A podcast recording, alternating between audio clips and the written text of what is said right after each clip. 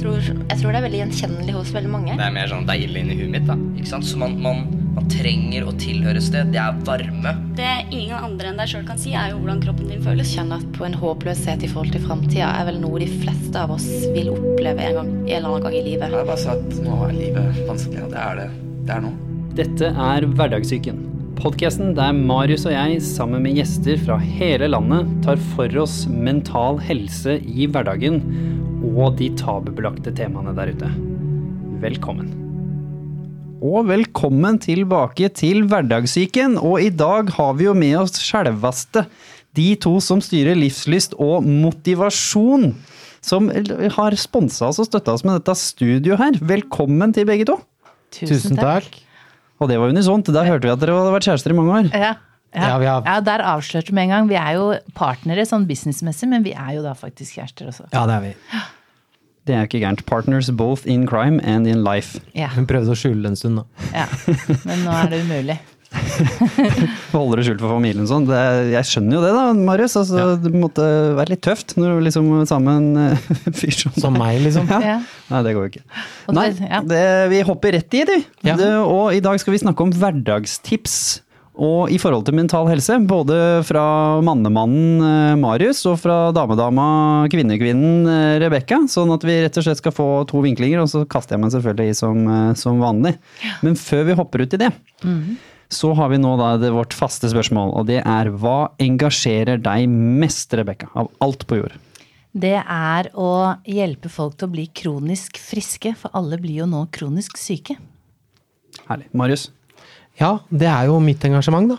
Også. Jeg er jo også opptatt av at folk skal være kronisk friske og ha livslyst i hverdagen. Der lurte vi navnet òg. Ja. Livet, livet er altfor alvorlig til å ta det seriøst. Pleier vi å si. Ikke sant?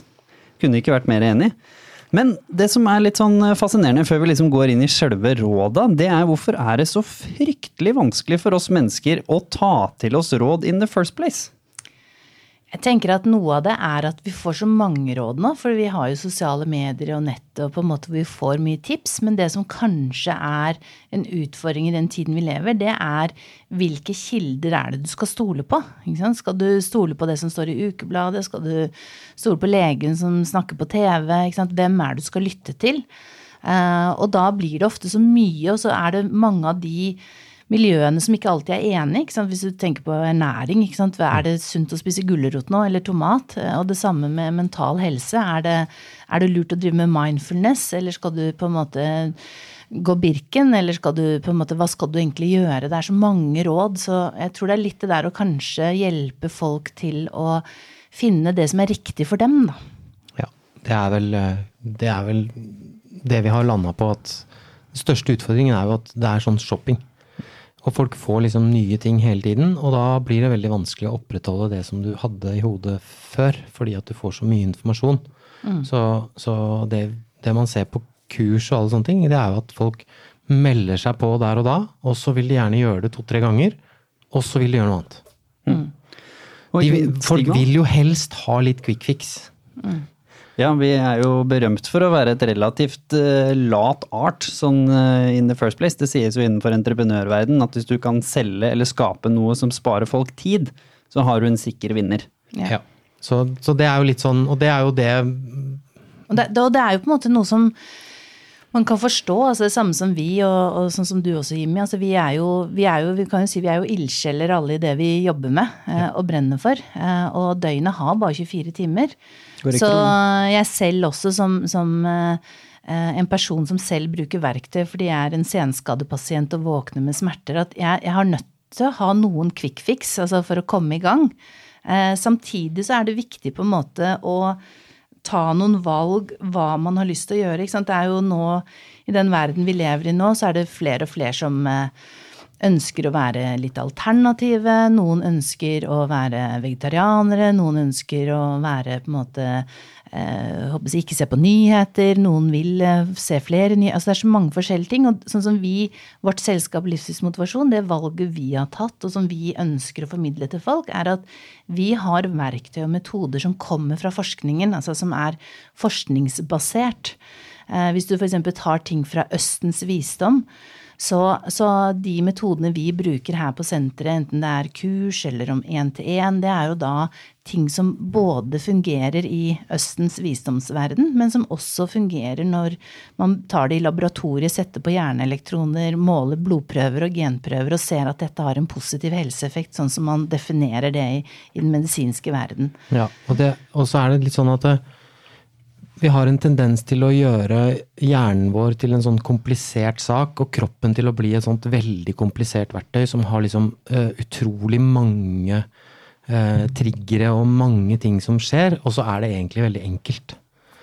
Uh, og, og, det er jo kanskje det som forvirrer folk aller mest. Det er at, det er at de ikke forstår hvordan kroppen egentlig fungerer. Mm. at hjernen er på en måte en sånn Den er egentlig utgangspunktet dum som et brød, for du vet jo det, du kan jo klare å innbille deg de, de rareste ting når vi holder på og tenker og drømmer og alt sånn.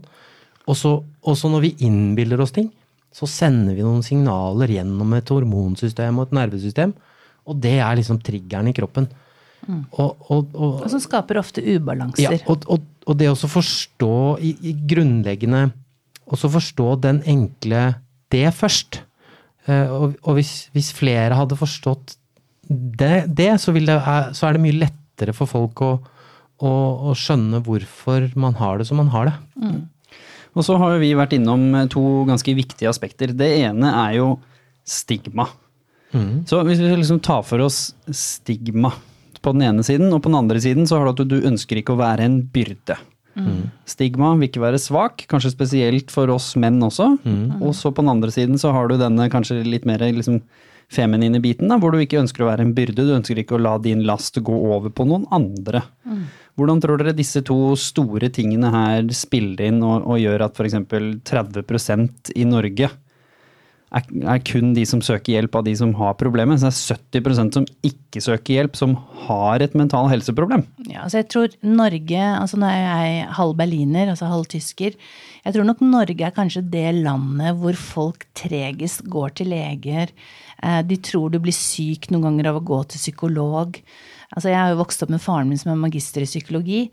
Eh, og noe av det vi merker, i hvert fall med våre klienter, for vi har jo klienter fra 6 til 96, eh, det er noe med å berolige dem at det å ta tak i på en måte mental helse eller utfordringer eh, gjør deg ikke syk, det gjør deg faktisk friskere og gladere. Eh, og at det er helt naturlig. Vi jobber jo også mye med toppidrettsøvere. Altså enhver toppidrettsøver som vinner gullmedaljer i verden, vet at mental trening er en del av pakka. Med ja. en gang de blir skadet eh, og ikke kan gjøre så mye fysisk trening, så øker de dosen med mental trening. Og det vi prøver, er å normalisere stressmestringsverktøy og mental trening. Vi sier at det trenger ikke å være vanskeligere enn å pusse tennene.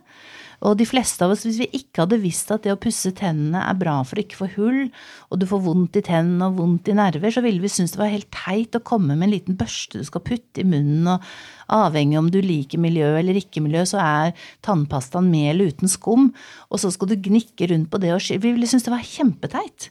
Men vi, de fleste gjør det. Noen jukser når de er på fest og legger seg uten å pusse tennene, men da pusser de ekstra godt neste morgen. Så du kan si hvis man hadde gjort stressmestring og mental trening like normalt som å pusse tennene, så er vi langt på vei. Ja, og det handler jo, det handler jo I dag så er, ting går jo så raskt, og folk blir jo stressa og utbrente veldig raskt.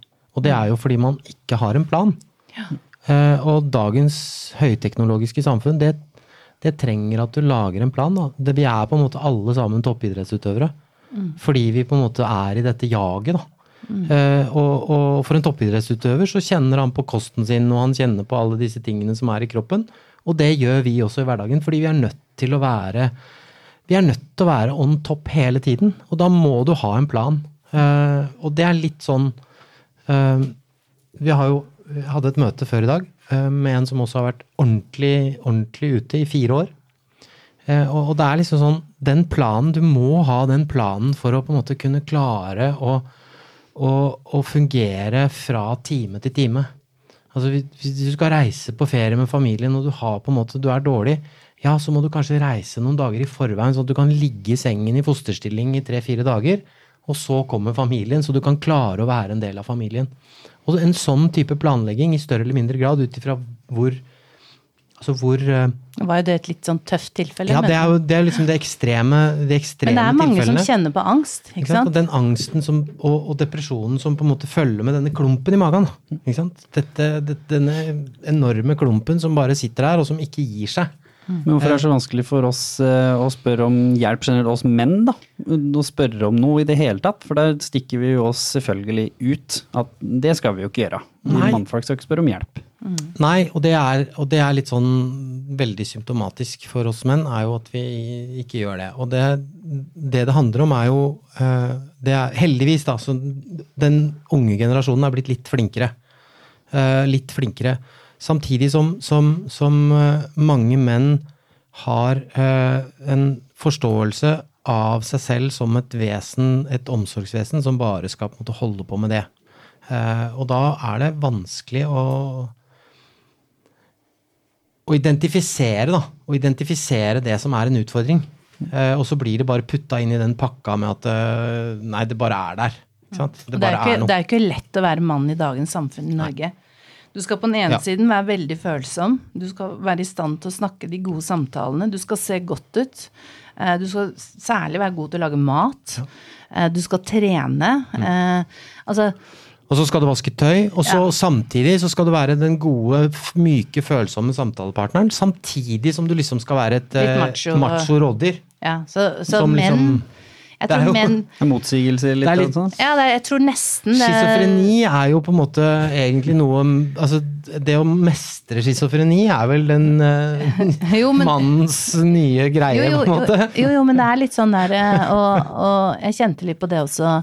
Uh, var litt i noen intervjuer og snakket om det når vi hadde denne metoo-skandalen, ikke sant. Uh, som, som dreide seg veldig mye om kvinner som var utsatt for, for uh, dårlige folk. Men noe av det jeg sa, er at det er faktisk mange menn som blir utsatt for metoo også.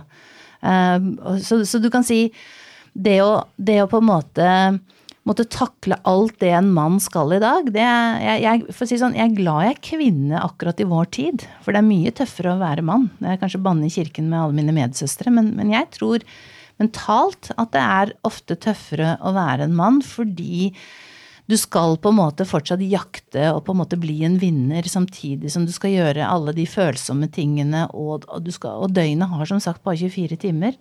Jeg tror det har balansert seg litt. Ja. Sånn øh, skal jeg komme inn og redde kvinnen fra siden, holdt jeg på å si. Men Mm. jeg tror det er jo litt det samme for dere nå. Nå, nå har man jo at dere skal jo nå også inntre i mannens øh, liksom tradisjonelle rolle. Nå skal jo dere være karrierejagere. Dere skal liksom både være breadwinners med å få inn pengene til Mm. Og dere skal også lykkes i karrieren. Og dere må fortsatt også være veldig dyktige jo, mødre. Si, ja, og du kan si kvinnene er der, men du kan si Nå er jeg født i 1970 og har hatt en, eh, før vi hadde senter, en ganske sånn eh, tøff businesskarriere. Og du kan si i begynnelsen, sånn på 80-tallet og sånn, så var det jo sånn at kvinner kledde seg ut som menn, og det gikk bøker sånn 'lær triksene for å være med i guttegjengen', liksom grei business. Men nå syns jeg, håper jeg, selv, grunnen til at jeg begynte å få langt hår når jeg var businessdame, og jeg ser på mine unge medsøstre, er at nå er det lov å være kvinnelig selv om du er sjef, og det er kult.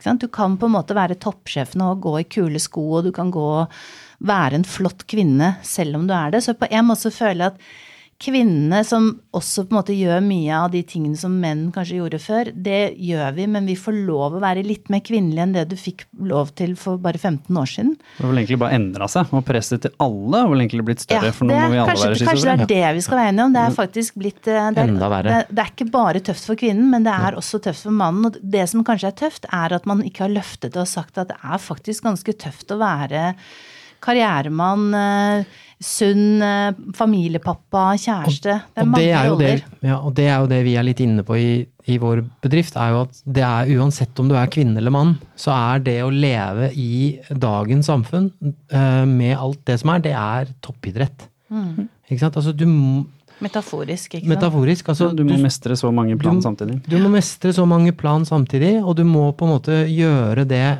øh, Og du må være bevisst på det, for hvis ikke du er bevisst, og hvis ikke du får disse rommene hvor du på en måte får skrudd av, du får skrudd av stressresponsen, du får gjort noen sånne ting som gjør Som pusser tenner, ikke sant, så kommer det et kronisk stress over tid som gjør at kroppen kollapser. Ja, Forskningsmessig, hva gjør det stress egentlig, Rebekka? Hva, hva er det som skjer når eh, både kvinner og menn, og ikke minst unge Vi hadde jo Ja. Iman her i forrige Ja. episoden som kom ut eh, for noen uker siden, hvor hun snakket veldig om un ungepresset igjen. Og vi hadde en episode før det om burnout, hvor de snakket om akkurat det samme. Hva, hva gjør stress med kroppen? Altså det som er, er at uh, vi lever i en tid hvor stress, altså det mental, mentale stresset, altså det å på en måte skal fylle alle disse rollene vi snakker om, og rekke det på 24 timer, eh, så går det for det første så går det utover, veldig ofte utover søvn. Så noe av det vanligste stressymptomet, og som gjør at både unge og gamle sliter, det er jo mangel på søvn. Og det finnes jo ikke en militærmakt som ikke bruker det som et torturmiddel.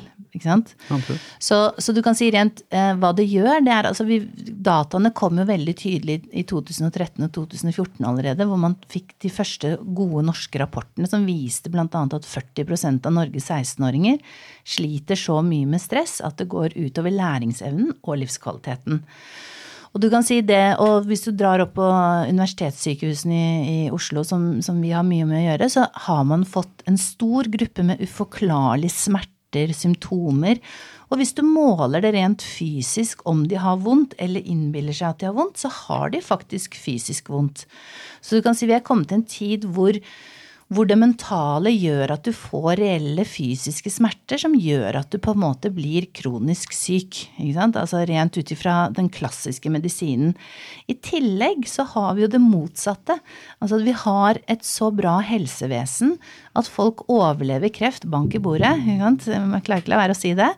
Eh, Så og, og du, har, ja, du har veldig mange sykdommer som vi overlever, og forskerne snakker jo om overleverne som en egen ny populasjon.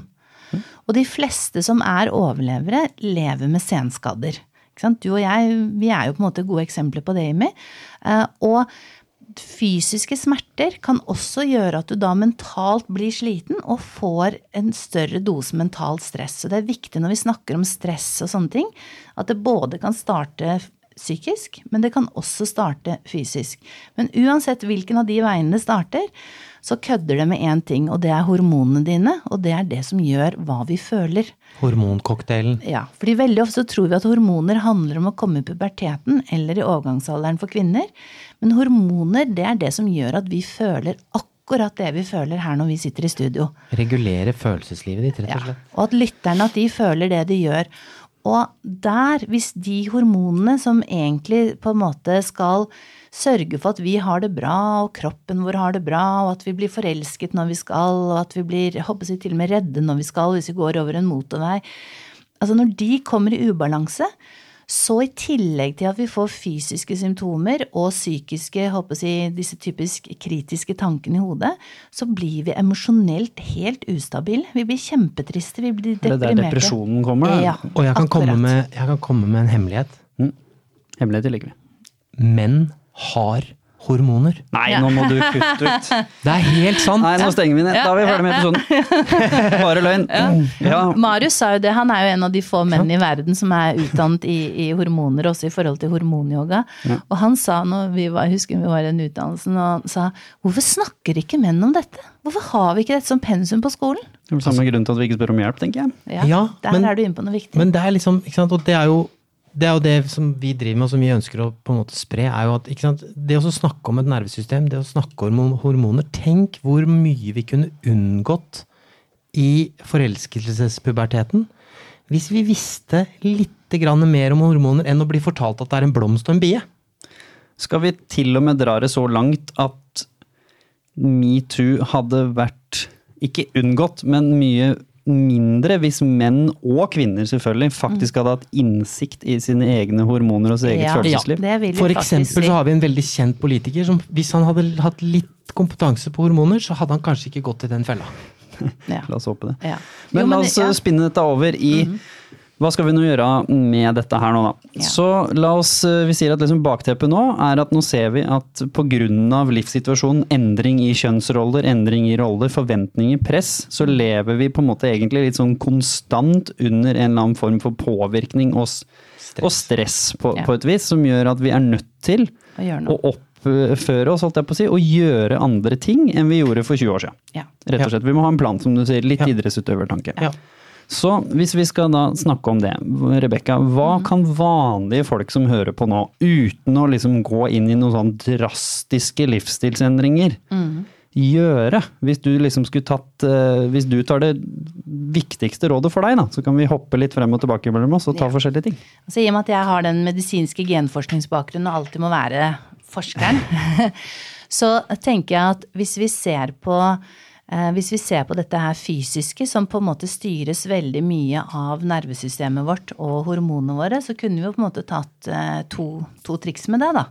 Eh, og det ene er jo Veldig mange har jo hørt det der at hvis du er stressa, så sier man pust med magen. Ikke sant? Eh, og du kan si Hvis man puster eh, med magen, hva, så er Altså jeg underviser jo også medisinstudenter på en høyskole, så sier jeg vi puster jo aldri med magen, vi puster bare med lungene. Men det vi gjør, er at vi dytter på noe som ligger liksom ved mellomgulvet, som er diafragma, som egentlig er som en sånn muskel som ser ut som en sånn myk pizzabunn. Som skiller egentlig lungene og hjertet fra resten av organene. Og hvis vi puster med magen, så betyr det egentlig at vi har en, en pizzadeig som er veldig myk og god, som går opp og ned, sånn som operasangere som kan å, synge lenge. Men hvis vi blir anspente, så vet man til og med i psykologien at bare den pizzadeigen den blir en, en deigklump, og så ligger den i mellomgulvet og gir den vonde magefølelsen. Og det som da rent fysisk skjer, det er at det er ikke mulig å på en måte bevege den pizzabunnen opp og ned, altså at vi puster med magen, så man kan se at magen går inn og ut. Og det som da skjer, er at du puster bare brystpust, altså fra liksom mellomgulvet opp. Og det i seg selv er et signal til hjernen at du er stresset. For det ligner jo veldig på mange har hørt om den fight or flight, når vi kjempet med dyr og skulle rømme.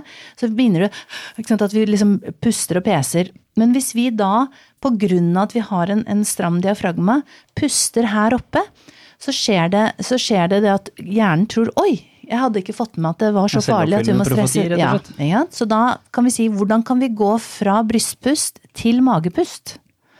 Og mange har sikkert sett på TV at når folk eh, hyperventilerer, så får de en sånn papirpose som de skal puste i. Og denne teknikken her, som, som vi kan kalle S-pusten, den, den fungerer rett og slett rent kjemisk med å hjelpe å få magen til å gå ut, og at diafragma går ned. Og at du får pustet med magen og sendt signaler om at nå skal du ikke puste brystpust, for nå kan du på en måte roe ned. Og det kan vi gjøre sammen her mens vi sitter her. Det er at vi alle sammen nå tar og puster inn. Og så puster vi ut med å si en svak S mellom tennene. Og siden dere sitter her i studio, så kan dere legge en hånd på navlen, så neste gang vi puster inn, så puster vi inn. Og når vi sier S og sier S til det ikke kommer, merker du at navlen går inn, Jimmy? Ja. Så veldig mange sliter jo med å puste riktig når du har pustet mye brystpust, og du ber dem puste med magen eller pust inn, så trekker folk magen inn og puster og liksom fyller lungene. Og da er vi egentlig med å hjelpe kroppen å hyperventilere, altså bli enda mer stresset. Men ved å gjøre den enkle S-pusten, så merker du at når du sier S-lyden, så går navlen inn, og til slutt så bare får du sånn sug, så du får egentlig et naturlig vakuum. Så selv om jeg nå hadde gått opp og holdt deg for nese og munn, så ville pusten kommet inn gjennom ørene. Det er ren kjemi. Ja. Så på den måten, hvis du gjør tre til fem utpust på S, så har du allerede sendt et kraftfullt signal til hjernen din om at den der brystpusten, den som stresser deg, den er falsk alarm. Det er bedre å puste med magen og roe ned. Samtidig som du sender det signalet til hjernen, så er du med på å lage denne deigklumpen som angsten sitter i mellomgulvet, til å bli den fine pizzabunnen som da også faktisk, når den går opp og ned når vi puster med magen, så masserer vi faktisk organene. Og vi flytter på hjertet, så vi, vi masserer hjertet også. Og i dyreverden så er det jo slik at når dyr eh, legger seg ned for å dø, eh, så er det noe av signalet at de dør, det er at organet ikke rører seg. Når folk ligger i koma på sykehus, så kommer sykepleiere og knar dem. Så hvis du blir god på å puste på S, så ja, så stresser du ned. Men du tar også masserer organene dine og sender sunne signaler at oi, denne kroppen her, den skal fortsatt være med. Nei, så den er litt sånn, den er sånn litt Enkel. det er jo, det, er jo det, vi, det du egentlig gjør med den pusten, da, det er jo at du regulerer nervesystemet ditt. Skrur av det sympatiske nervesystemet på med det parasympatiske, som gjør at du får hvile, og kroppen skjønner at den skal stresse ned. Så når skal vi gjøre dette her, da? Hvis vi Liksom i i en vanlig hverdag, da. Ja, Jeg jeg, gjør at- det i, bil, i bilkø. Ja, jeg tenker, at de, jeg tenker at du kan Det å lære seg Vi snakket på begynnelsen og spurte hvorfor er det så mange ting, og hvorfor hopper folk frem og tilbake. Og det er litt sånn folk ønsker seg en quick fix, og så blir de bombardert med masse ting. Men, det, men en av våre anbefalinger kan i hvert fall være at når du først finner ut at du skal gjøre noe, så er det sånn at kroppen og hjernen og fysikken din og sånn, den har noen sånne timelines i forhold til hvordan den husker. Så eksempel hvis hvis du skal legge deg til en ny vane, da, hvis du skal slanke deg eller begynne å puste eller gjøre en trening, eller noe sånt, så, tar det sitt, så bruker hjernen bruker ca. 21 dager sant, på å venne seg til denne nye vanen. Og så bruker han liksom tre måneder på liksom å få litt kontroll på det, og så bruker han 1000 dager på å bli god. Så det betyr at du trenger i utgangspunktet, hvis du skal legge deg til en pustevane som gjør at du skal bli, få automatisk skrudd av stresset, hvis du gjør det i 21 dager, så begynner hjernen å, å, å kjenne igjen hva du gjør. Og da kan du fortere skru av stressresponsen på, eh, på en raskere måte. Sant? Sånn at det, til å begynne med, hvis du skal gjøre noen øvelser, det å legge inn en sånn Det interessante er jo at du trenger ikke å gjøre en stressøvelse mer enn i to minutter. Nei. Fordi en slik øvelse, altså hjernen bruker to minutter på å forstå hva den skal gjøre. Hvis du gjør det kortere, så reagerer den ikke, og så kan du gjerne gjøre det litt lenger.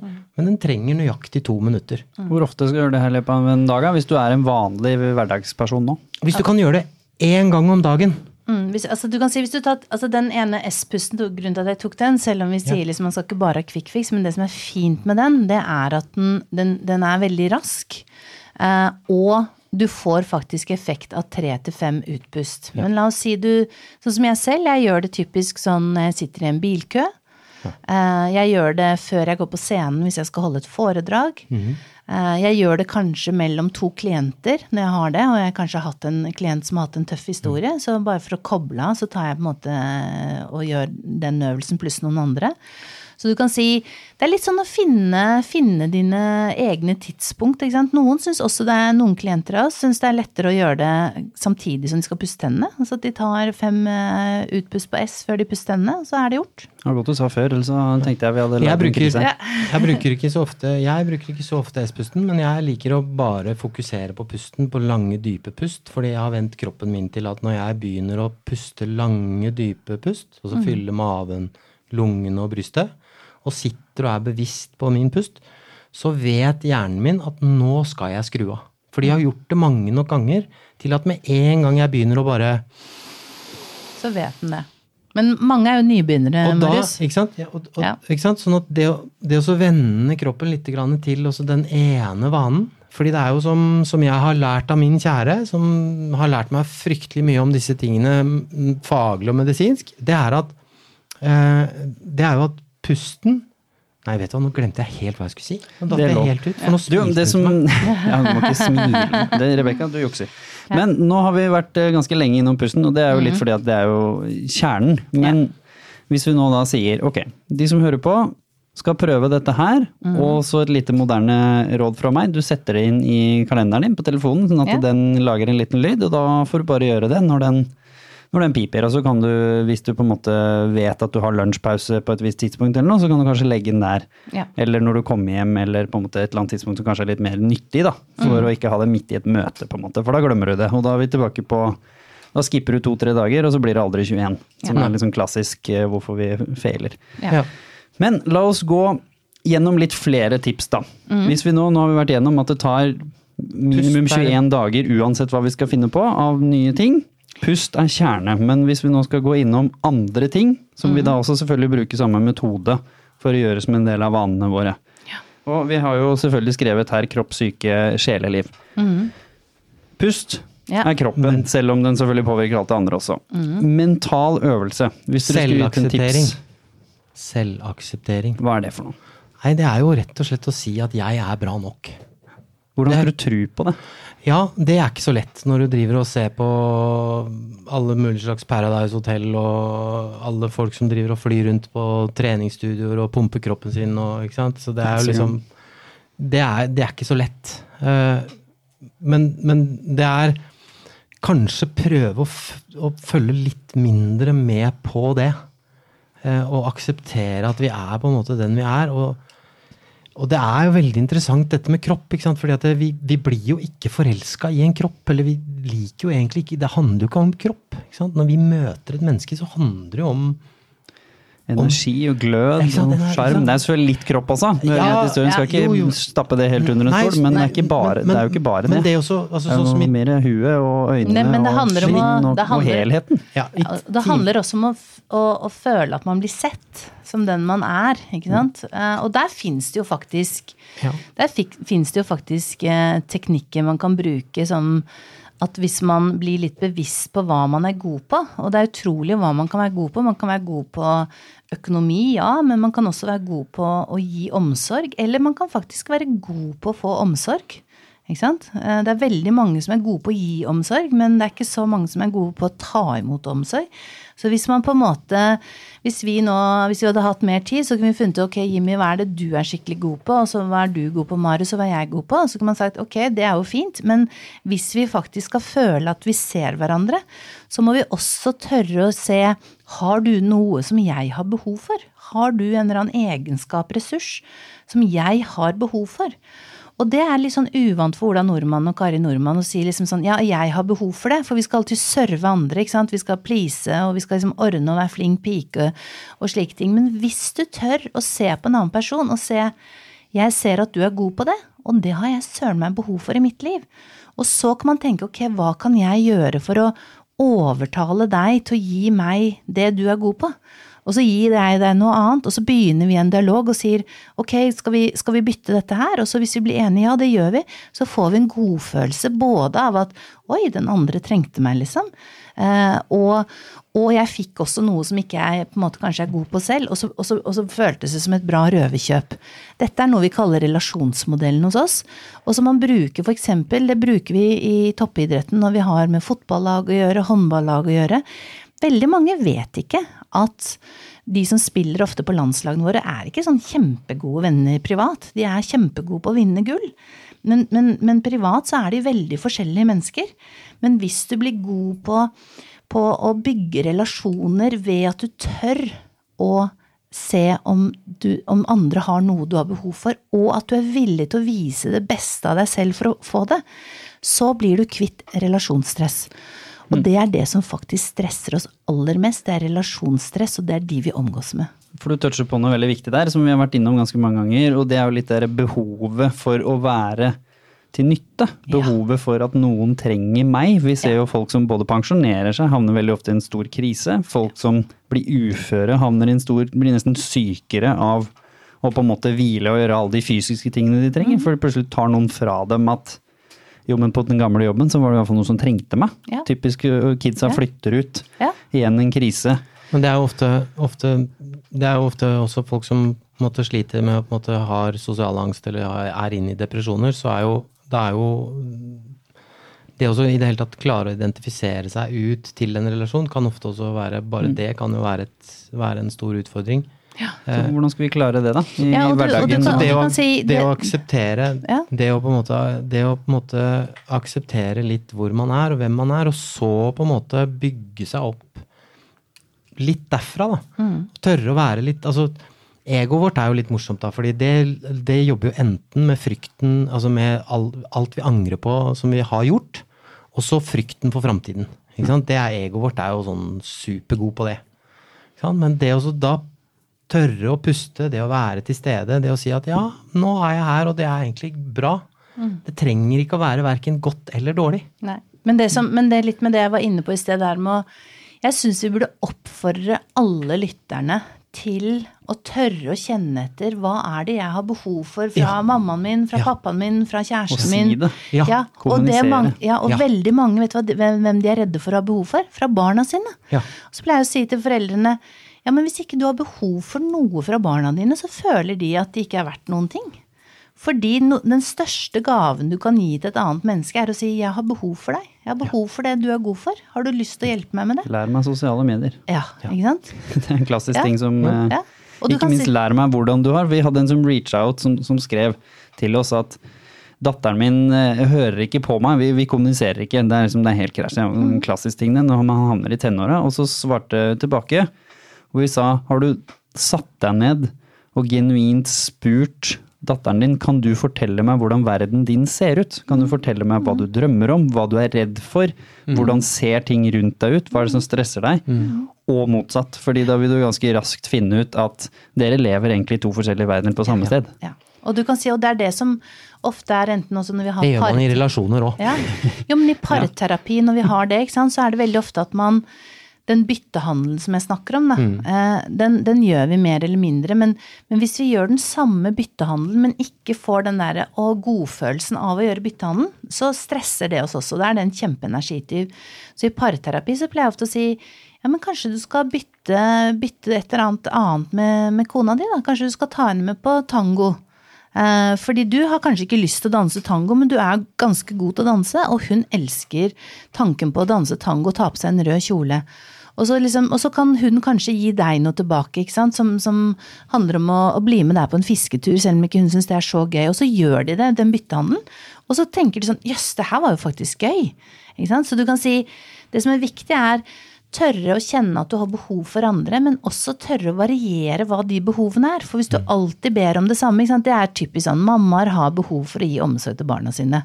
Men de fleste av oss vet at hvis du gir for mye omsorg til barna, så føler de seg at de liksom kveles i omsorg. Så da er det kanskje liksom bedre at moren sier du, jeg har behov for å, å komme meg litt ut, har du lyst til å gå en tur med meg, liksom? Eh, og så kan jeg hjelpe deg med et eller annet. Og da plutselig sånn, oi, skal vi gå en tur, og skal vi ikke snakke om hvor mye klær jeg skal ha på meg når jeg går ut fordi det er kaldt? Ikke sant? Altså, det er litt Eller hvilken mat jeg skal spise, Ja. eller Så du kan si det der å bli god på å kjenne på behov, men da må man også gjøre hjemmeleksen og tørre å si hva er det jeg er god på? Fordi du er jo Hva nødt til å selge, du er nødt ja. å selge deg litt selv ut. Altså, de fleste av oss gjør det når vi er forelsket. Ja. Ja, når du går på date, så, så sier man ja, hva, hvilken film liker du? Og så, nei, og så sier man nei, jeg liker den filmen, så skjønner man ok, jeg likte ikke den filmen. Kanskje hva slags bøker liker du? Å ja, du liker den forfatteren, du. Ja, det gjør jeg også. Ikke sant? Da justerer vi oss litt, og vi prøver å selge oss litt inn og vise liksom de gode sidene av hverandre. Så kan man si ja, men hvor lenge varer det? Eh, ja, det varer den tiden du er forelsket, men dette kan man også få til å vare lengre enn det mange tror, da. Man kan få et forhold til å være mye mer interessant hvis man tør å kjenne på behov og selge seg inn på flere måter enn bare det man tror man er best på. Mange tror det handler om CV-en, men det er mye mer enn CV-en. Så nå har vi da pusting, som er viktig bare for å være present. Det er jo det det snakkes veldig mye om nå i wellness. Vi har nå relasjon, helt avgjørende, og ikke minst, vi har jo det fysiske også. Hva kan man gjøre der ute rent fysisk sett med f.eks. kostholdet sitt, for, og som også påvirker selvfølgelig både hormonbalanse og ikke minst energibalansen i løpet av dagen? Blodsukkeret for den saken skyld. Vi intervjuet en med, som, som slet med blodsukkersykdom her om eh, dagen. Det også var veldig spennende hvor mye innsikt man får da. Folk som har, fordi de har en sykdom, må fokusere på det, men de har også fått et bedre liv Ja. etterpå. Så fysisk, vil, hva vil være det beste rådet, fysiske rådet du kan gi for å påvirke det psykiske i hverdagen? Tenker du bare på mat eller andre ting også? Fysiske ting, om det er trening, eller om det er mat eller søvn. Vi må jo eller hva. kanskje ta noe med oksytocin. Ja, jeg, tenk, jeg tenker at eh, oksytocin er viktig. Og Oksytocin, for de som ikke vet hva det er, det er jo da lykkehormonet vårt. lykkehormonet, godfølelseshormonet, som lages i hjernen. Mm. Og det kan du trigge med ulike øvelser. Marius, hvordan gjør du det? Ja, nei, det er jo altså, Hvis vi nå, hvis vi nå vi, altså, Ofte så får man jo ikke nok oksytocin fra hverandre, så man kan gi det til seg selv hvis man ikke har noen som kan gi det. Og da kan man bare, hvis man sitter med bena helt rett, og, og, og så legger man hendene på lårene, og så trykker du og så stryker du deg selv i sånne sirkulære bevegelser. På, på lårene. innsiden og på toppen. Ja, på innsiden og toppen av lårene. Det er, en, det er den raskeste måten til å oppnå oksytocin. Det er å sitte sånn i to minutter. Ja, men der må jeg komme inn for Ja. å virkelig få Ja. makseffekt. Ja. Vi kan sitte, dette er det som forklarer hvorfor folk blir friske av å ha kjæledyr og klappe dem og sånn. Det er samme oksytocin. Mm. Men hvis vi vil ha litt makseffekt på to minutter, så tar man også dette trykket. Ikke sant? Altså at du trykker sånn at det nesten ville føles som noen masserer deg lett. Hvis du bare gjør sirkulerende. Bunnen av hendene. Ja. Ikke sant? Enten med håndbaken eller her, mm. si rett ved, ved fingrene. Trykke Og- ned på toppen ja. og innsiden av låret. Og dette kan du gjøre på lårene, du kan gjøre det på hendene. Det er perfekt å gjøre på hverandre også på ryggen. Hjemme hos oss er det helt vanlig med en oksytocinklem. Eh, datteren vår som er ballerina, hvis hun vet hun skal på premiere, så er det sånn Å, kan jeg få en oksytocinklem før jeg skal gå? Og da kan man gjøre det. Og da er det Dere kaller det oksytocinklem. Det er ikke Oksytocin. lykkeklem engang. Det er, det er ganske Oksytocinklem. medisinsk Det er jo eh, hjem, skjønner jeg. Det er jo det man egentlig Altså alle, alle, alt det vi gjør hele tiden, al- uansett om det er eh, fysisk eller hva det er, så er det er jo akkurat det hormonet som hjernen lengter etter hele tiden. Ja, så, og det, så og, du kan jo på en måte og det som gjør at du ikke blir aggressiv, fordi altså, forskerne fant jo dette ut fordi det er det som skrur seg på maks i hjernen både hos mor og barn når hun ammer barnet. Du kan tenke deg en hylende unge når- som er sulten. Egentlig så er det jo mange som da ville sagt jeg vil kaste vekk den ungen, for jeg blir lei av det. Men i det øyeblikket du da ammer, eh, så bare smekk, så skrur dette oksytocinhormonet seg på. Og forskerne ønsket jo å isolere dette, for dette ville jo vært den perfekte lykkepillen. Men det lar seg ikke oppbevare på en måte i væske ellers, det må være i kroppen. Og de som kjenner til Barack Obama, som jeg regner ganske mange gjør, de skal vite at dette er hans yndlingsøvelse. Og hvis dere ser på gamle filmklipp, når han hilser på folk, så tar han alltid en hånd bak på ryggen. Og så gir han dem faktisk en, en oksytocinsirkel, for han har lært denne teknikken.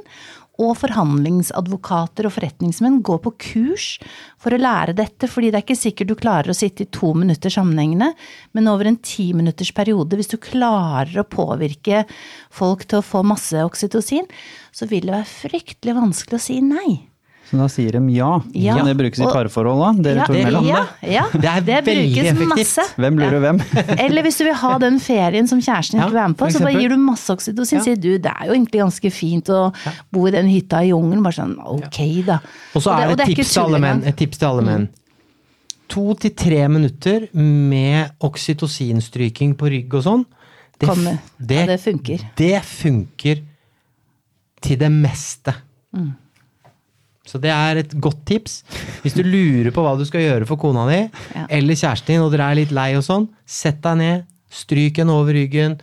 Vær stille, ikke. Ikke si noe, ikke svar på noen ting, men bare sitt der og stryk henne over ryggen, og så ser du den fantastiske endringen som skjer hos kjæresten. det skjer, det skjer bare på to minutter. Jeg pleier å gjøre dette men jeg har underviser eh, eller har foredrag for leger. Så gjør jeg det uten at jeg forklarer hva som skjer. Og de blir så i godstemning, vet du. Og du, Ja, trenger ikke, og- du trenger ikke løpe tre mil for å få, den, få det lykkehormonet. Du kan få det raskere. Så nå har vi vært litt innom lykkehormonet, og mm. Rebekka, du kan for mye, skjønner du. Så nå, jeg må liksom kjappe meg før du Ja. kaster deg ut på enda mer eh, innsikt. Så for dere som trenger mer også, så veit dere hvor dere finner dem, for det tagger vi jo selvfølgelig. Fordi det er nesten litt for mye å kunne om dette her. Ja. Vi kan mye. Men søvn, det var vi innom i stad. Det er det Ja. ofte vi begynner å snike unna på. Og Ja. jeg har jo holdt på å si brukt meg selv som en forskningsmodell eh, de siste fem årene på dette her, bare på moro. Bare for å forske litt på det. Og der går vi på en smell ganske ofte. For det sies jo også per definisjon så kan du jo ikke ta det igjen. Du kan ta det igjen i form av at hvis du er veldig sliten, så kan du sove et par ekstra timer, og så har du det relativt bra. Men du kan ikke sove deg opp i helga og, og sluntre unna fem dager i uka. annet, da. Ja, men, men Så hvor viktig er søvn, og hva er det som egentlig skjer. burde være på en måte litt sånn Ja. normen der ute? For det er ikke noe vits å begynne å snakke om tall, for vi vet Nei. alle at vi er forskjellige. Og Ja. det har vi Rebekka har skrevet, ja, Rebekka har jo skrevet en artikkel om søvn, Ja. som er ganske Man Den skal vi linke til i Livsstilsmagasinet. der hvor vi faktisk eh, er. Men jeg har lyst til å forklare veldig- litt. Fordi mange sliter med søvn. Mm. Men mange vet ikke alltid hvorfor søvn er så viktig. Eh, Og noe av det aller, aller viktigste, det er at eh, når vi ikke er barn og håper vi skal vokse, men når vi er voksne, så det som skjer når vi sover, det er at vi får vår største måte, gjenbruk. Altså vi, altså vi får cellefornyelse. Og det er da veksthormongenene våre er skrudd på maksimalt. Og vi trenger jo ikke veksthormonene for å bli høyere, sånn som barn. Altså de får jo det, det er derfor vi sier det er viktig at barn sover. Det er at de får veksthormon for å vokse. Vi trenger det for å bygge muskelmasse. Så noe av det første man kjenner når man eh, sliter med søvn, det er faktisk at man blir litt slapp. Og man blir faktisk fysisk slapp fordi muskelmassen din bryter ned. Eh, Dette er også grunnen til at vi hjelper toppidrettsutøvere raskt til å bli kvitt søvnproblemer. fordi hvis ikke uansett hva de trener, så får de ofte da skader fordi musklene tåler det ikke. Så det er en liten oppfordring som jeg ofte kjenner at folk blir litt inspirert av. At ok, så det er det som skjer. Så har vi jo da ulike teknikker for bedre søvn, men skulle man også i utgangspunktet eh, slite så mye at man faktisk ikke får sove, men man har lyst til å ha veksthormonene, og man har lyst til å ha noen av disse andre flotte hormonene som vi trenger for å på en måte vedlikeholde kroppen vår. Og da er det noe som heter yoga nidra, som er veldig kult.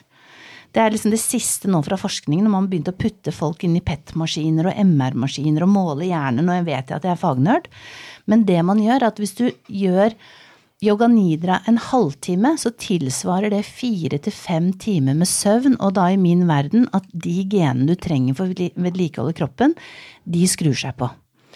Så det betyr at selv om du kanskje bare har sovet tre timer, eller kanskje bare to timer, så vil du kunne hente deg inn og på en måte få kroppen din til å reparere seg som om du hadde sovet de seks til åtte timene som vi trenger. Så, så på kort si, sikt. Det er også litt viktig å ta med. Du kan ikke bare begynne med en time yoga nidra hver dag, og så nei, går det bra. Så nei, du jobbe 23 timer men, om dagen. Men dette nei. er noe som man bruker masse på folk som sliter med posttraumatisk stress. Mm. Uh, dette er på folk som har depresjoner, krigsveteraner. Ikke minst Utøya-ungdommene våre.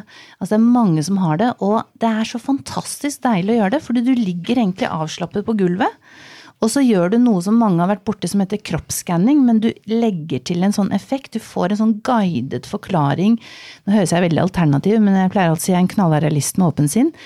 Så puster du og tenker visuelt at du flytter en, en, en, lyskule fra håndflaten opp i armen til halsen, ned i magen, opp i hodet og ut igjen. Høres veldig sånn wow, hva er dette her for noe? Veldig vet du. Men det som er kult, når vi måler det med vårt håper si, vestlig teknologi og PET-maskiner som du vanligvis bruker for å finne spredning av kreft, så er det noe av det mest powerful som vi har vært borti. Så jeg vil oppfordre alle til å tørre å prøve å gjøre yoga nidra. Noen har hørt at det er sånn kult med sånn søvnkafeer. I Barcelona leste jeg på flyet. Eh, I New York så har de søvnkafeer, og det du egentlig gjør, er ja, det er søvnkafeer med yoga nidra-veiledning. Spennende. Det er veldig kult. Søvn er jo, ja, som sagt, er, eh, du har helt rett at det er viktig. Men Jimmy, hva slags eh, test er det du har gjort på søvn? Altså, Jeg har jo testet uh, ganske mye, mye, rart opp gjennom livet, hører med til historien. Bare sånn for jeg liker å teste ting uh, på meg selv, for å se mm. hvordan det fungerer. Så jeg har på en måte testet effekten, og jeg er jo litt over gjennomsnittlig bevisst på grunn av hvordan min hjerne er satt sammen. Så mm. jeg kan jo da også ganske kjapt måle i forhold til hvordan det påvirker meg. Mm. Så når det ene er jo det som du nevner nå, det andre er det mentale aspektet. Man må gjennom fem sykluser i hjernen for å lagre fra altså korttidsminnet i løpet av en dag til langtidsminnet vårt. Mm. Som f.eks. gjør at dagen etterpå kan vi være litt glømsk, vi kan være litt surrete hvis vi har sovet for lite. Hvis det her skjer over tid, så blir du jo faktisk ganske ineffektiv på jobben, fordi du må nesten lære på nytt det du egentlig gjorde i går. Du glemmer datoer, du glemmer nesten hvem du møtte, det kan bli skikkelig ille. Mm. Så det jeg testa, var å se ok, hvis jeg legger meg på disse forskjellige tallene da, og justerer for meg, så beste måten å finne ut av hvor lenge du trenger å sove på, det er jo sånn triks som egentlig høres for lett ut til å være sant, det er når du har det bra, typ på ferie, på en, en, en rolig helg eller en tid hvor du liksom ikke har vært stressa over tid, typ dag fire-fem, så går du og legger deg når du er trøtt, mm. og så våkner du når du våkner. Ja. Da vil du sånn regne regna vite hva du trenger av søvn på en vanlig dag. Mm. Ja. Og så må du da ta med i beregningen da selvfølgelig at hvis du jazzer på da, og at du begynner å jobbe klokka ni og ferdig elleve, så må du kanskje legge på litt. Og hvis du har en veldig rolig dag, så kan du kanskje fint trekke fra en halvtime eller en time. Er det første gangen? Fordi jeg, jeg våkner jo gjerne litt sånn flere ganger. Jeg våkner om morgenen, og så, og så elsker jeg å bare snu meg litt rundt, og så drunte litt videre. Er det er det, er det, bare sånn, er det første gangen Er det med en gang du våkner? Egentlig så er det jo det. Første gangen. Så, da, så for å finne ut av det er morsomt. Så du, ja. Hvis du da skal finne ut av akkurat, så må du sove, og så må du akkurat når du våkner. Så sånn at du ikke våkner av bikkja, da. Ja. Og så var du der inne på hormonene i stad, så det kan jo hende at du får så mye glede av å ligge i sengen også, selv om du ikke sover og ligger og på en måte dagdrømmer litt på, mm -hmm. på, på slutten der. At det gir deg noe annet igjen, som egentlig ikke nødvendigvis har med søvnen å gjøre. Nei. Fordi det hevdes jo også sover du for mye, ja. Så blir du slapp igjen, og så går det for langt igjen. Ja, fordi det er litt det der, og jeg tenker den der naturlig søvn. altså Jeg har skrevet mye helseartikler og sånn, også med doktor Fedon Lindberg. Og vi, vårt generelle søvntips når man skal kartlegge hvor mye søvn du trenger, for det er jo en evig debatt om man skal ha siesta eller sove sammenhengende natt. Ja. Uh, og Jeg blir trøtt at vi snakker om det. ja, og og, det, og det, som, det som eh, vi pleier å si, er at hvis man har muligheten i en toukersperiode å gjøre akkurat sånn som det du sier, følge sin egen, kall det bioklokke, ikke sant, når man vil sove, når man vil stå opp, når du på en måte har muligheten, og, vi sier ofte prøv til og med å legge fra deg klokken, og så bare følg din egen rytme. Da får du i hvert fall et bilde på om du er den som trenger å sove hele natten, eller om du er den som liker å ta siestaen. Eh, så det, det er Og så er det jo det som jeg nettopp touchet på i stad. Rent fysisk sett så vil vel de fleste forskninger hevde at det er noenlunde det samme, så lenge du på en måte da ikke havner inn i rem-søvn, altså dyp søvn og sånn, så du tar powernap som er under 20 minutter og alle disse tingene. Men det psykologiske sett igjen, fordi disse syklusene tar halvannen time. ja. Så du kan ikke ta en powernap og lagre fra korttidsminne til langtidsminne, for du kommer aldri så langt. Nei, så da begynner du å tulle det der- til. Samtidig vil jeg da si denne yoga nidraen, som er blitt mitt nye yndlingstema akkurat nå. Og det er at det du måler da, når du måler på hjerneaktivitet og i PET-maskiner og alle disse tingene her, det er at når du kommer i virkelig den yoga nidraen som ikke er vanlig kroppsskanning, men yoga nidra, så er det som om du sover på en måte dyp søvn, men de delene av hjernen som styrer kreativitet og det du trenger for å være løsningsorientert, de er maksimalt på. Så de klientene som er skikkelig håper å si, gira på dette, både i Norge og i utlandet, det er typisk ledere, det er kunstnere. altså Det er de som på en måte både vil styrke seg selv fysisk, men som også mentalt vil bli superstrategisk gode, lage det kunstverket eller det som er. Så den, den er litt kul. Jeg har jo en manneyoga også, og der har jeg jo Det er veldig mye pust, og det er veldig mye, vi bruker veldig mye prostata, og det er veldig, veldig rolig. Og alle gutta Jeg har sånn 20 minutters eh, hvor de bare ligger og blir, får en slags eh, yoga yoga nidra. Og da kommer alle gutta ned i rem, fordi de gutta har sånne måleinstrumenter på armen. Ja, for det har alle nå. Alle har jo det. Så når, vi, så når, de går, så når de går ut av timen, så, så kommer de bort og så sier de Se her, jeg var så mange minutter i rem. Ja. Det er veldig morsomt. De kommer litt stressa. For, det- for det er sånn alt fra snowboardere til businessmenn eh, som kommer inn litt halvstressa. Når de kommer ut, så er de helt sånn der Helt rolig. ja. Så skal vi da liksom klare å holde, holde tak på, på dette her igjen, for å gjøre det liksom litt kort. Ja. Så igjen, nå fokus på søvn. Finne ut av hvor mye du trenger å sove. Da tar det røffelig regna eh, litt under en uke inn i ferien, før du da kan legge deg når du trenger, og stå opp når du trenger. Og da har du en, en ting å ta det ut ifra. Da vet du hvilken gruppe du tilhører. Ja. Hvis du kanskje skorter litt, og du vet du går i heavy periode, prøv å være litt kreativ. Se på både yoga og nidra-alternativer, Mm. og andre selvfølgelig meditasjonsalternativer og ting som, som kan i hvert fall påvirke celle, på en måte Mm. reproduksjonen, eller at man fysisk sett i hvert Mm. fall er tilbake på, på der man skal være. Og ikke minst, i forhold til minnet, sørg for at du i hvert fall heller går og legger deg enn å se på den ene ekstra episoden av HBO. For hvis du Ja. faktisk ønsker å high perform og være denne toppidrettsutøveren Så i verden, så må du faktisk ta det valget. Ja, Fordi det er, så og det viktig er det valget, ikke. der er du inne på noe viktig. Helt riktig. Valget. Valget. Å gjøre det. Og bare gå og legge seg. Det virker ikke hvis du ikke gjør det. Nei. Og til og med kunne da, hvis du er så heldig å ha kjæreste, eller dyr for den saks skyld, så Mhm. ta da og legg på litt uh, kosing enten på armen eller på ryggen, så får du jo på en måte oksytocin inn i Med søvnen. trykket. Sirkel Ja. med trykk. Ja. Vinn-vinn. Og Og sist, og men ikke. absolutt er ikke minst. relasjonsstresset ditt. Relasjonsstresset ditt, det er viktig generelt på Ja. alle mulige måter. og- For det påvirker og også søvnen din. Yes. Ikke sant? den beste måten å bli kvitt det, bli god på å kjenne på behov hos andre. Hos andre, og ikke minst hva du trenger av de, og hva de trenger av deg. Men helt sånn til slutt også, fordi de fleste som hører på oss nå i Norge, bor et eller annet sted i umiddelbar nærhet av natur. Ja. Så hvordan skal vi i 2019 kunne bruke naturen på en enkel måte, uten å være Lars Monsen, Ja. for å kunne i hverdagen kunne hjelpe oss å, å håndtere hva som skjer? Hva er deres beste råd? Ja. ja, da er det Jeg går jo i Svartdalen. Det er liksom Før så drev jeg veldig mye og løp veldig fort, og jeg var veldig opptatt av at jeg hele tiden skulle løpe er mann, mye. og- skal være tempo, skal Jeg skulle, svette. ikke skulle være litt sånn aggressivt. Mm. Sant? Det skulle være veldig mye. Men etter hvert da, så har jeg funnet ut at det å rett og slett bare gå, og så se litt rundt, og så faktisk Dette høres helt jævlig ut, men det å klemme et tre er ikke så verst, altså. Det er faktisk litt ålreit. Han er, han er? Mr. Alfa, jeg har, et, skjønner jeg har et favorittre i Svartdalen. Det er kjempestort. Mm. Men det mest interessante med det treet, vet du hva det er? det er at det har en kjæreste. De har vokst sammen. sammen ja. med noen andre. Og det så jeg ikke før jeg hadde gått forbi det treet i nesten et helt år. Nei. Så plutselig så oppdaget jeg Han så det ikke når han løp, vet du. Og her er det tre som har vokst sammen med det store, flotte treet. Så for de som da også Fordi det, det er noe både forskningsstøttet og i det hele tatt, men for de som ikke er helt på det enda, så er det jo det som du sier, å faktisk tørre å bare gå den turen. Men du påpekte noe som jeg mener er enda viktigere, som nå er i ganske mye forskning i forhold til mindfulness. Ja. Det å fysisk tørre å se rundt deg og legge merke til ting. Sånn Ja. som man gjorde når man var barn, når man var på et sted man aldri hadde vært. Ja. Og der kommer en av mine bedre tips inn Ja. tør å gå nye ruter eller nye stier, for da vil hodet ditt automatisk, fordi du ikke har vært der før, være present uten at du trenger å smile. pluss at føttene dine, altså nervene dine, hvis du går på litt ulendt terreng, det er faktisk kjempesunt for, for hele kroppen, og særlig fordøyelsessystemet.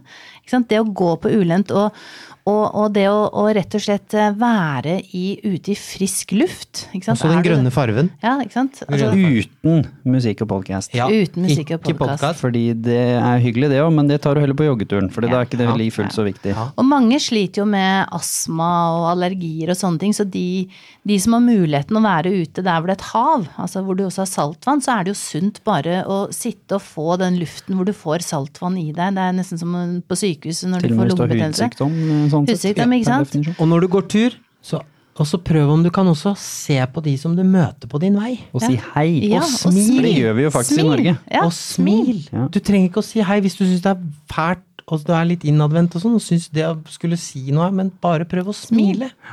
Fordi Og se på de reaksjonene du får.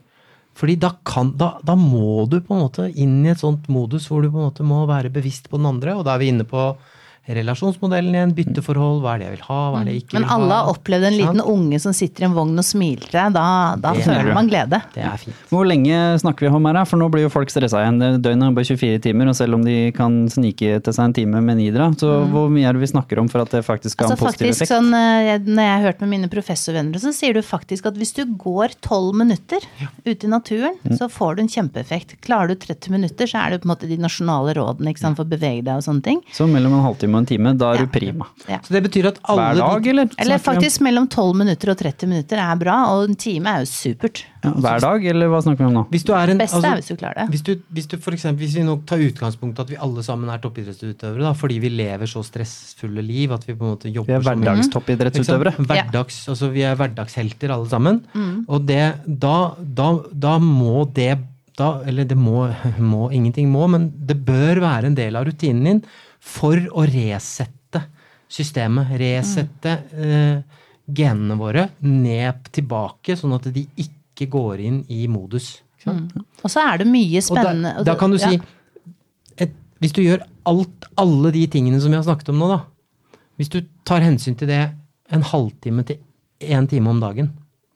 Og da, da snakker vi Totalt. alle tingene. Ja, alle rådene vi hadde i dag. Men hvis du, hvis du klarer å gjøre hvis du klarer å gjøre én av de rådene, så er det kjempebra. Ja. Hvis du bare klarer å gjøre én ting.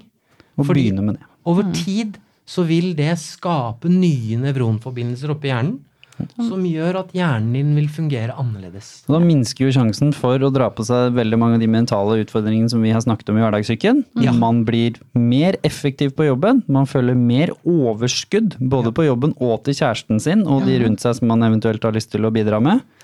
Og selvfølgelig fysisk sett, så nå titter jeg på forskeren her, så for dere som ikke ser det, kom med en påstand, så jeg regner med, regner meg rett, det er alltid spennende. Digg, digg. Så vil man jo også holde seg i bedre fysisk form i form av at man, blir, man holder seg yngre. Man påvirker da livsløpet sitt så godt man kan. Da. Det påvirker, påvirker helt ned på gennivå. I sted når vi snakket om naturen, så er det også veldig mye spennende forskning som kommer nå, som viser at hvis du tar mennesker i typisk sånn bybilde, ikke sant, med store bygninger, eh, kontra når de går i naturen hvor det er trær og grønt, så skrur masse gode gener seg på bare at du er ute i naturen. Og, og det er et veldig interessant felt som heter liksom økopsykologi.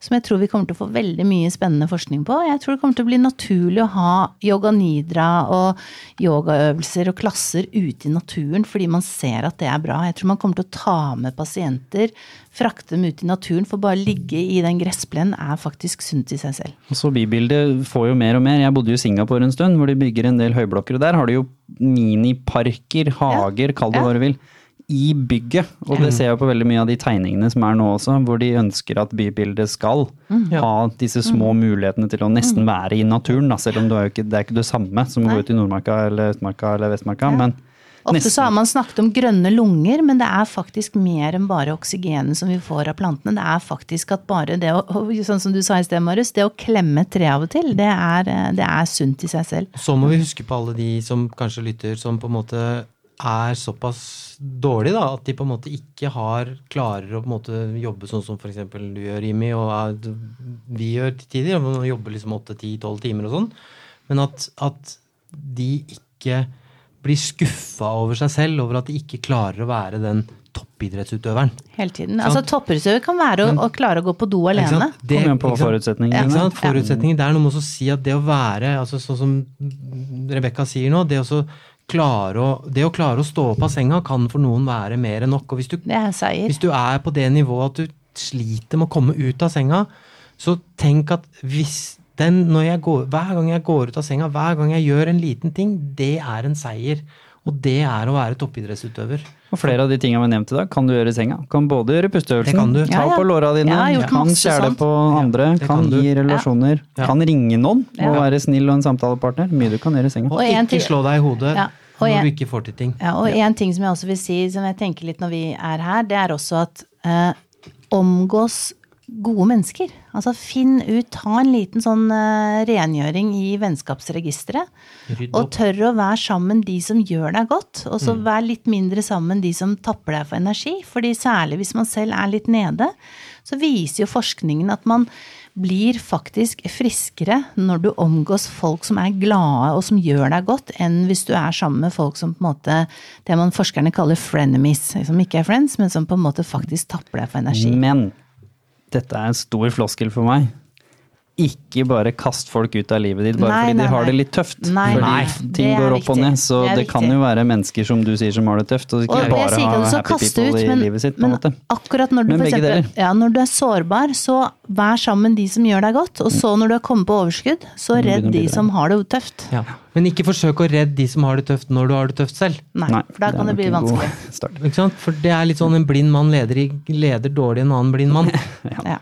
Og nå er vi da på slutten her, så nå skal dere få lov, kort, å komme med da en avslutning. Hvis dere liksom Den ene tingen dere vil de som sitter og hører på, skal sitte igjen med. Og Rebekka, du får først. Kort. Ta et valg at du har lyst til å lære deg enkle teknikker som ikke er vanskelig enn å puste hendene, og sett i gang. Og jeg lover deg at hvis du gjør det, så virker det. Marius. Ja, jeg er litt sånn Det å så ikke ta livet altfor alvorlig. Fordi det er altfor seriøst. Altfor seriøst. Ja, og jeg vil veldig gjerne avslutte med det. Tør å prøve nye ting. Vær nysgjerrig litt som et barn, og ta det valget om at jeg ønsker å være den beste versjonen av meg selv. Og da skal jeg i hvert fall legge til rette for de tingene vi nå har snakket om i denne episoden, som gjør at jeg kan være det, uten å sammenligne meg med de rundt meg, som vi også har snakket om her. Ja. Tusen hjertelig til både Marius og Rebekka, Dream Team, som da står bak Livslyst og Motivasjonssenteret, som vi får lov å låne til podkastrommet, hvor dere tilbyr både, som vi har vært innom, manneyoga og yoga nidra Coaching, og og kurs og og coaching og workshop ut og hvis alt dere har lyst. Alt mulig rart. Og Ja. ikke minst generelt, dere er jo litt og gjensidig engasjerte personer begge to, så det er jo mye spennende å følge med på bare rundt dere. Og selvfølgelig reach out eh, til både dere eller oss hvis dere lurer på noe. Ja. Og så Og- Livssystmagasinet er et, kanskje Ikke minst Det være- og podkastene på Ja. siden der. Ja. For det er flere. Fordi. Rebekka, du er jo, for dere som hører på, er også en dreven podcaster med sine egne podcaster. Jon Jon Ja, ja. Rebekka, blodsukkerbalansen er akkurat i Og den er veldig poppis. I Sverige har vi Ja. hørt nå. Ja. Jon Jon og Rebekka. Så til og med på svenskene liker den. Ja. Poppis. Eh, Poppis. Poppis. Poppistoppen. Ja. Og ikke minst Poddistoppen. Ikke minst, som vi har sagt, ta kontakt med oss hvis dere har forslag til både gjester og til temaer som dere ønsker at vi skal ta opp. Og reach out hvis det er noe som helst dere lurer på. Og husk at vi heier på dere. Vi Heier på dere. Tusen hjertelig takk.